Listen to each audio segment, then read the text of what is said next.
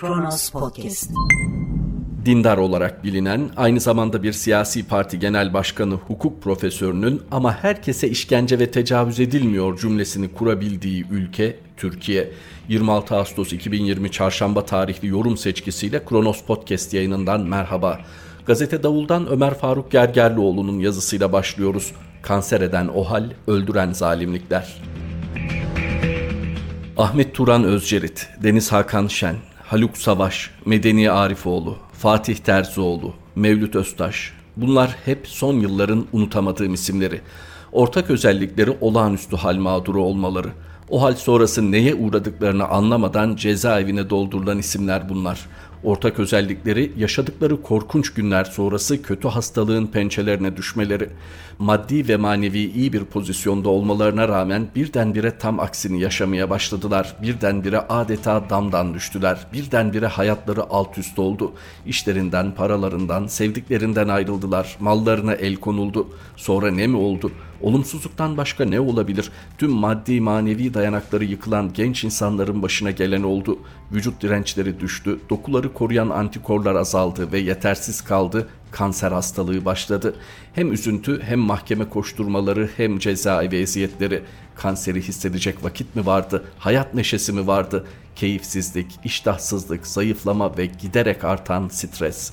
Hastalık için revire başvurduğunda öyle hemen doktora çıkabilmek nerede? Dilekçeler, dilekçeler. Deniz Hakan Şen isimli mahpusun yakınları bana 45. dilekçede ancak hastaneye gidebildiğini söylemişlerdi. İnfaz koruma memurlarının aşağılayan sözleri, hakaretler, defalarca çıkıldıktan sonra revir doktorunun verdiği ilaçların kar etmemesi, zayıflayan, halsizleşen, yataktan kalkamayan mahpuslar, belki kaçıncı revire çıkıştan sonra karar verilen hastane planı, yapılan planlar. Ama hemen gidiş mümkün mü? Ya idare ihmal eder, o etmezse jandarmanın personeli yoktur, o da aşılırsa hastanede muayeneyi kaçırmışsınızdır, tekrar aynı prosedür ve engeller. Sonrasında doktorun hastada bizim çözemediğimiz ciddi sorunlar var. Üç basamak hastaneye gitmeli sözleri. En sonunda son basamakta yapılan muayenede yine de teşhis konulamaz. Ne mi olur? MR'lar tetkikler istenir, geç tarihler verilir. O tarihlerde jandarmanın işi çıkmışsa yeni tarihe kalmışsınız demektir. Ve nihayet beklemelerin sonucunda tanı konulur ama çok geçtir. Çünkü ya üçüncü ya dördüncü evrededir artık hasta ve yapacak başka bir şey kalmamıştır şok etkisi oluşturmuştur yakınlarınızda kanser haberi. Çünkü gençsinizdir ve önceden ciddi bir sorununuz yoktur. Dışarıda zaten işsizlik, parasızlık, dışlanmalar, psikolojik sorunlarla boğuşan eş ve çocuklarınız için kahredici yeni bir sorun vardır. Uzun süredir zayıflayan, bitkinleşen, eriyen eşini görüşlerde endişeyle izleyen eşler gözyaşlarını içlerine akıtır. Zaten çok zor ve kısa olan görüşlerde. Esra Terzioğlu kapalı görüşte ellerini kaldıramayacak derecedeki eşinin başını yerden kaldıramayacak kadar bitkin oluşunu görür ve çırpınır bir eş olarak. Diğer eşler farklı mı? Her biri için çok daha çileli ve unutulmaz acıların olduğu günler başlayacaktır. Ne bilsinler daha da kötü günlerin geleceğini. Hasta mahpuslar hem sağlıklarıyla hem de hapishane idaresinin ihmalleriyle uğraşmaktadır. Bir de buna Mart ayında başlayan pandeminin kötü niyetle mahpuslara zorluk olsun diye fırsatçılık olarak kullanılması eklenirse ne olur? hem hastalığın ilerlediği hem de mahpus ve yakınlarının saniye kaybedilmemesi gereken bir dönemde çaresizlikten bunalım yaşadığı günler ve aylar gelir. Kemoterapilerin geciktiği, yapılsa da yanında refakatçi bile olmayan bir kanser hastasının acımasız bir ortamda yalnızlığı, niye kanser oldum ki sorusunun cevabını kanser olduktan sonra en iyi anlayan mahpuslar. Zaten kendisine, eşine, çocuklarına vurulmuş bir balta sonrası yaşanan işkence dolu bir süreç. Bütün bu süreçlerin yıllardır şahidiyim. Her hasta mahpusu takip edişimde hep aynı şeyleri gördüm. Beni de kanser edecek derecede kahreden çok ağır süreçler. Bu acıları hem bir doktor olarak iyi anlamam hem de bir insan hakları savunucusu olarak yıllardır şahit olduğum ihlallerin değişik iktidar elleriyle tekrar yaşatılmasına ne kadar ağır ya Rabbi dedim her defasında.''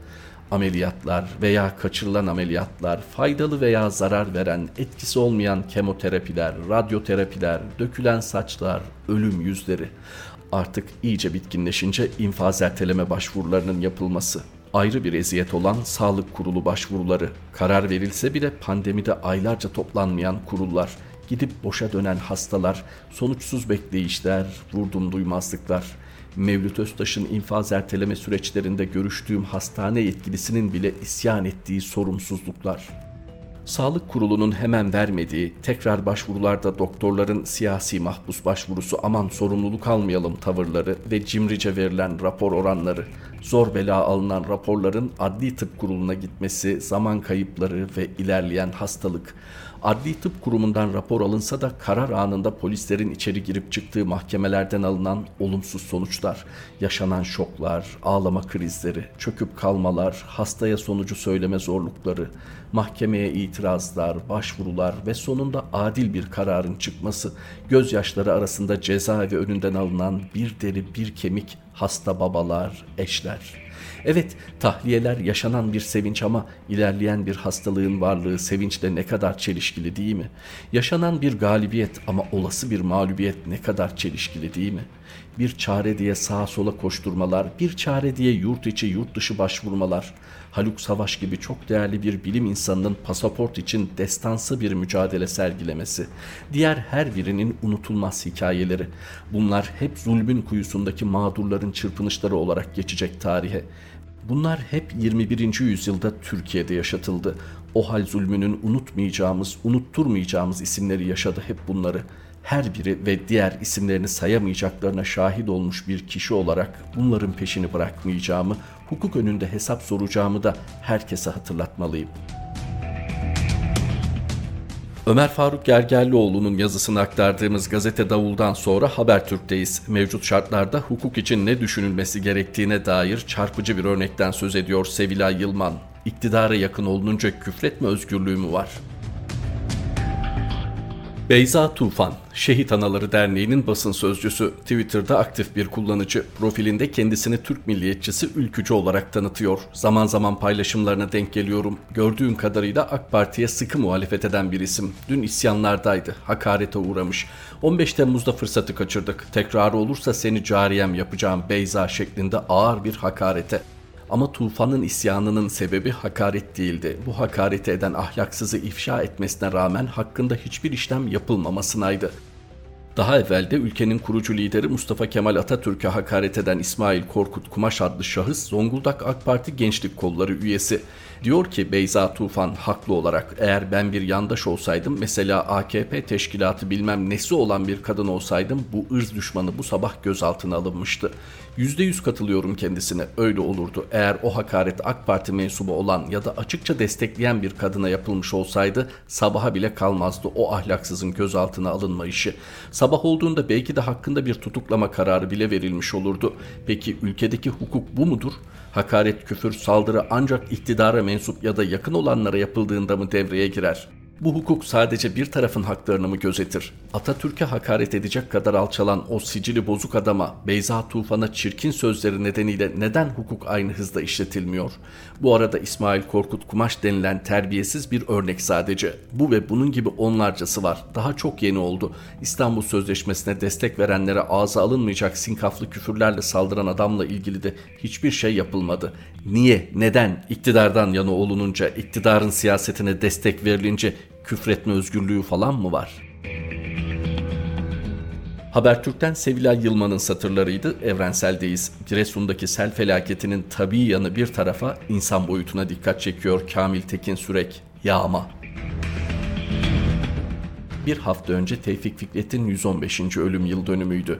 Onun Yağma Sofrası isimli şiirini bilmeyen azdır. Tabi bizim kuşak içinde bilmeyen azdır. Yeni kuşakların çoğunun bilmediğini düşünüyorum. Neyse bu ayrı bir konu.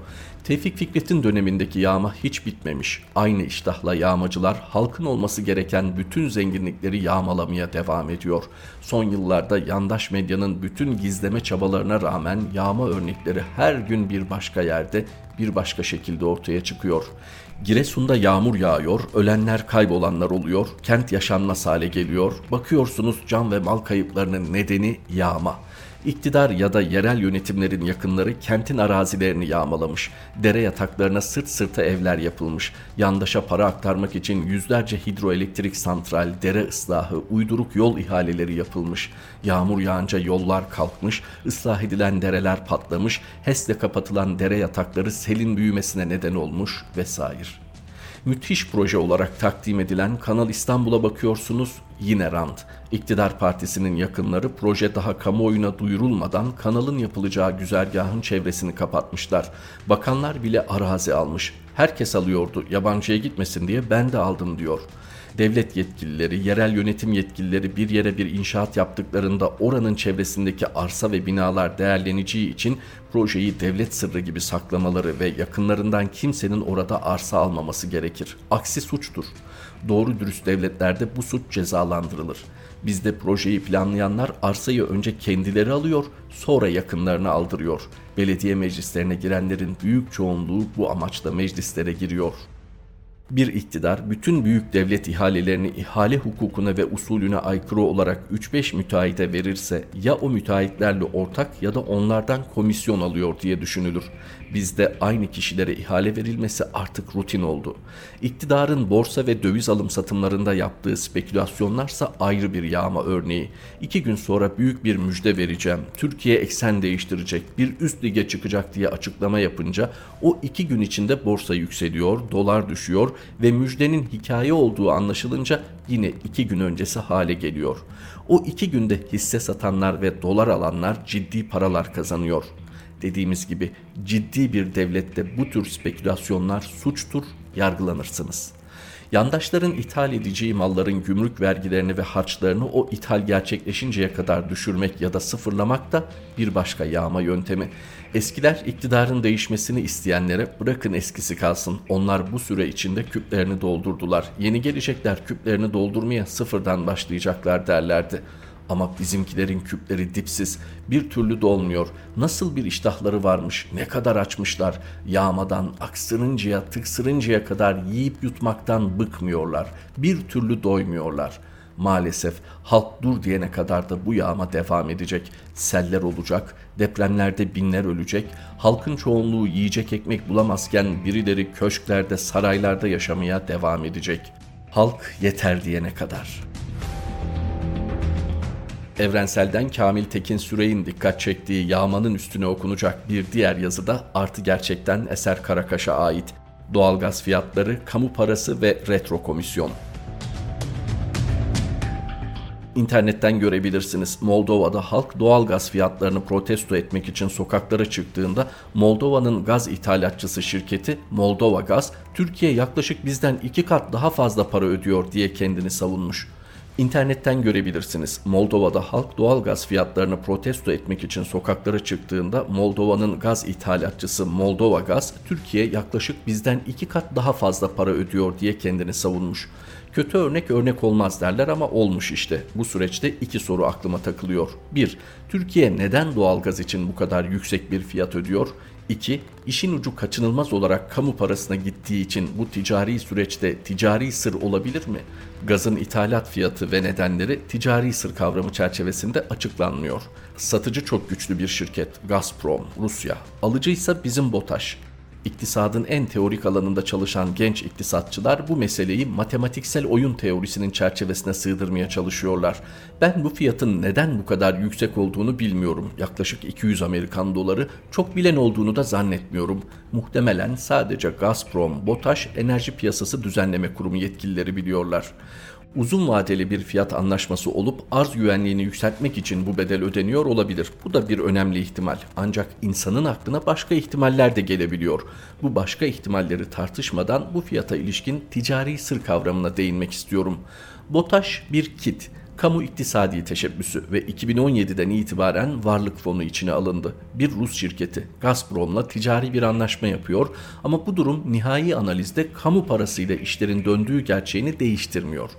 BOTAŞ bir nedenden zarar ettiğinde bu zarar kamu parasıyla kapatılmayacak mı? İşin içinde kamu parası varsa ticari sır kavramı kanımca ortadan kalkmalıdır. Ticari sır ancak iki özel ya da tüzel kişi arasında gerçekleşen sözleşmeler, mesela kredi sözleşmesi için geçerlidir. BOTAŞ konusunda Sayıştay'ın hiç tartışmasız tam yetkili olması, kamu parası gerçeğinin ve demokrasinin en temel ilkesidir. BOTAŞ'ın tüm iktisadi verileri gerekçeleriyle birlikte Türkiye Büyük Millet Meclisi ve Sayıştay'ın önünde gecikmesiz olarak bulunmalıdır. Durumsa hiç öyle değildir. Bu arada ülkemizde varlık fonunun ve Sayıştay yetkilerinin mutlaka yeniden tartışılması gerekmektedir. Kamu parası kullanan bir kit ticari sır kavramının arkasına girip saydamlıktan uzaklaştığı ölçüde her türlü dedikodunun kaynaması olağan hale gelebilir ve bu durumdan da kamu zarar görür. Saydamlık, işin içinde kamu parası varsa ticari sır olamaması hem etkinlik hem de kamunun prestiji için önemlidir. Retro komisyon diye bir sistem var. Bilmeyenler Fransa'da yargı sürecindeki Karaçi meselesine bir baksınlar. Detaylarına girmeyeceğim ama hem çok önemli hem de mekanizma olarak çok ilginçtir. Tekraren ifade ediyorum, başta kamu yöneticileri olmak üzere şunu kimse unutmasın. Nerede saydamlık kaybı varsa dedikodu öne çıkar.'' kamu hesaplarının, kamu parasının mutlak saydamlığı, sayıştay denetimine açık olması kitler varlık fonu başta olmak üzere hayati önemi haizdir. En çok da kamu yöneticileri, siyasetçiler, bürokratlar bu işten karlı çıkarlar. Buna hiç kuşku yoktur. Eser Karakaş'ın yazısıydı artı gerçekten sonra yeni çağdayız. Esfender Korkmaz da biriken ekonomik ihmal ve şüpheli işlemlerin getirdiği yere işaret ediyor. Ekonomide derin göçük. Türkiye İstatistik Kurumu Ağustos ayı sektörel güven endekslerini açıkladı. Endekslerin tamamı güven sınırı olan yüzün altında kalıyor. Aslında kalması da normal. Zira bütün dünyada pandemi krizi ekonomik güveni bozdu. Türkiye'nin sorunu pandemiden önce başlamıştı. Pandemi işin tuzu biberi oldu. Bu nedenle ekonomik güven sorununa bakarken 2019 yılı ve öncesine bakmamız gerekiyor. Tüketici güven endeksi öteden beri yüzün altındadır. Yani tüketici güveni düşüktür. Başka türlüsü de düşünülemez. Çünkü işsiz sayısı IMF'nin 2001 programıyla 2002 yılından itibaren artmaya başladı ve bugünkü siyasi iktidarla devam etti. Yoksulluk oranı arttı. Enflasyon halkın, çalışanın satın alma gücünü düşürdü. Son yıllarda reel sektör güven endeksi de düşmeye başladı. 2017 öncesi reel sektör güven endeksi yüzün üstündeydi. Sonrasında güven kaybı oluştu. Halen de devam ediyor.'' 2012 yılından beri birkaç yıl hariç sabit sermaye yatırımları da daralıyor. Sabit sermaye yatırımı olmadan kalıcı büyüme ve istihdam olmaz siyasi iktidar algı yaratmak, ekonomik sorunlara uçtu kaçtı kılıfı takmak yerine reel sektörün güveni neden düştü? İş adamları neden Türkiye'deki borçlarını yapılandırıp yurt dışında yatırım yapmak istiyor? Hiç işin bu tarafını sorguladı mı? Söz gelimi bu konuda reel sektöre güven endeksleri dışında derdiniz nedir diye bir anket yaptı mı? Televizyonlarda uçtu kaçtığı saatlerce konuşan, bu uğurda kavga yapanların aklına yatırımların neden düştüğü geldi mi? Yerli ve yabancı sermaye neden yatırım yapmıyor? Bunları ve nedenlerini tartışanlar var mı? 2019 yılında yatırımlar %12,4 oranında daraldı. Bu sene %20 daralır. Karadeniz doğalgazı nasıl çıkarılır konusunu tartışanların aklına bu gaz yatırım kayıplarını telafi edebilir mi sorusu geldi mi? Biz iktisatçılar da kamplara ayrıldık. Analiz yapmak yerine siyaset yapıyoruz. Türkiye ekonomisi bu tablo içinde her zaman daralır. İstikrar sorunu artar. Halk daha da yoksullaşır. Aslında sorunun temelinde plansız günübirlik politikalar var. 2012 yılına kadar giren kontrolsüz sıcak para kuru baskıladı. İthalata bağımlı bir üretim yapısı oluşmasına neden oldu. Kırılganlığı artırdı. Ciddi yabancı yatırımları engelledi. Kamu altyapıları, kamu tekelleri özelleştirildi. Piyasada oligopol yapılar oluştu. Enerji dağıtımı gibi stratejik sektörler özelleştirildi. Üretim maliyetleri artış yönünde etkilendi. Yabancı bankalara sınırsız izin verildi. Şoklara karşı ulusal politikalar zayıfladı. Şimdi de yabancılar müdahale ediyor diye sızlanıyoruz. Hükümet tüm teşvikleri ve bürokratik kolaylıkları yalnızca lüks konutlara ayırdı. Sanayici de inşaatçı oldu. İnşaat kısa sürede ekonomiyi canlandırdı. Ancak doyma noktasında ölü yatırım olarak kaldı. Kamu altyapı yatırımları dünyada örneği görülmemiş kamu özel işbirliği yoluyla ve yüksek maliyetle ve bunların dış borçlanmasıyla yapıldı. Şimdi bütçe ödemeleri ve açıkları arttı. Yurt dışına kaynak çıkışı ve bu nedenle daralma başladı. Bu yanlışların ardı arkası kesilmedi. Yetmedi, 2016 ve sonrasında Türkiye hukukun üstünlüğünde geri düştü. İnsan hakları ve demokratik özgürlüklerde özgür olmayan ülkeler statüsüne geriledi. Rating kuruluşları Türkiye notunu yatırım yapılamaz, aşırı spekülatif derecesine düşürdü. Bu şartlarda güven mi kalır? Yeni Çağ'dan aktardığımız Esvender Korkmaz imzalı satırlar bu birlikteliğimizdeki son paylaşımımızdı. Mehmet Şahin yeni yorum seçkimizde Kronos Podcast yayınında tekrar buluşmak üzere. Hoşçakalın. Kronos Podcast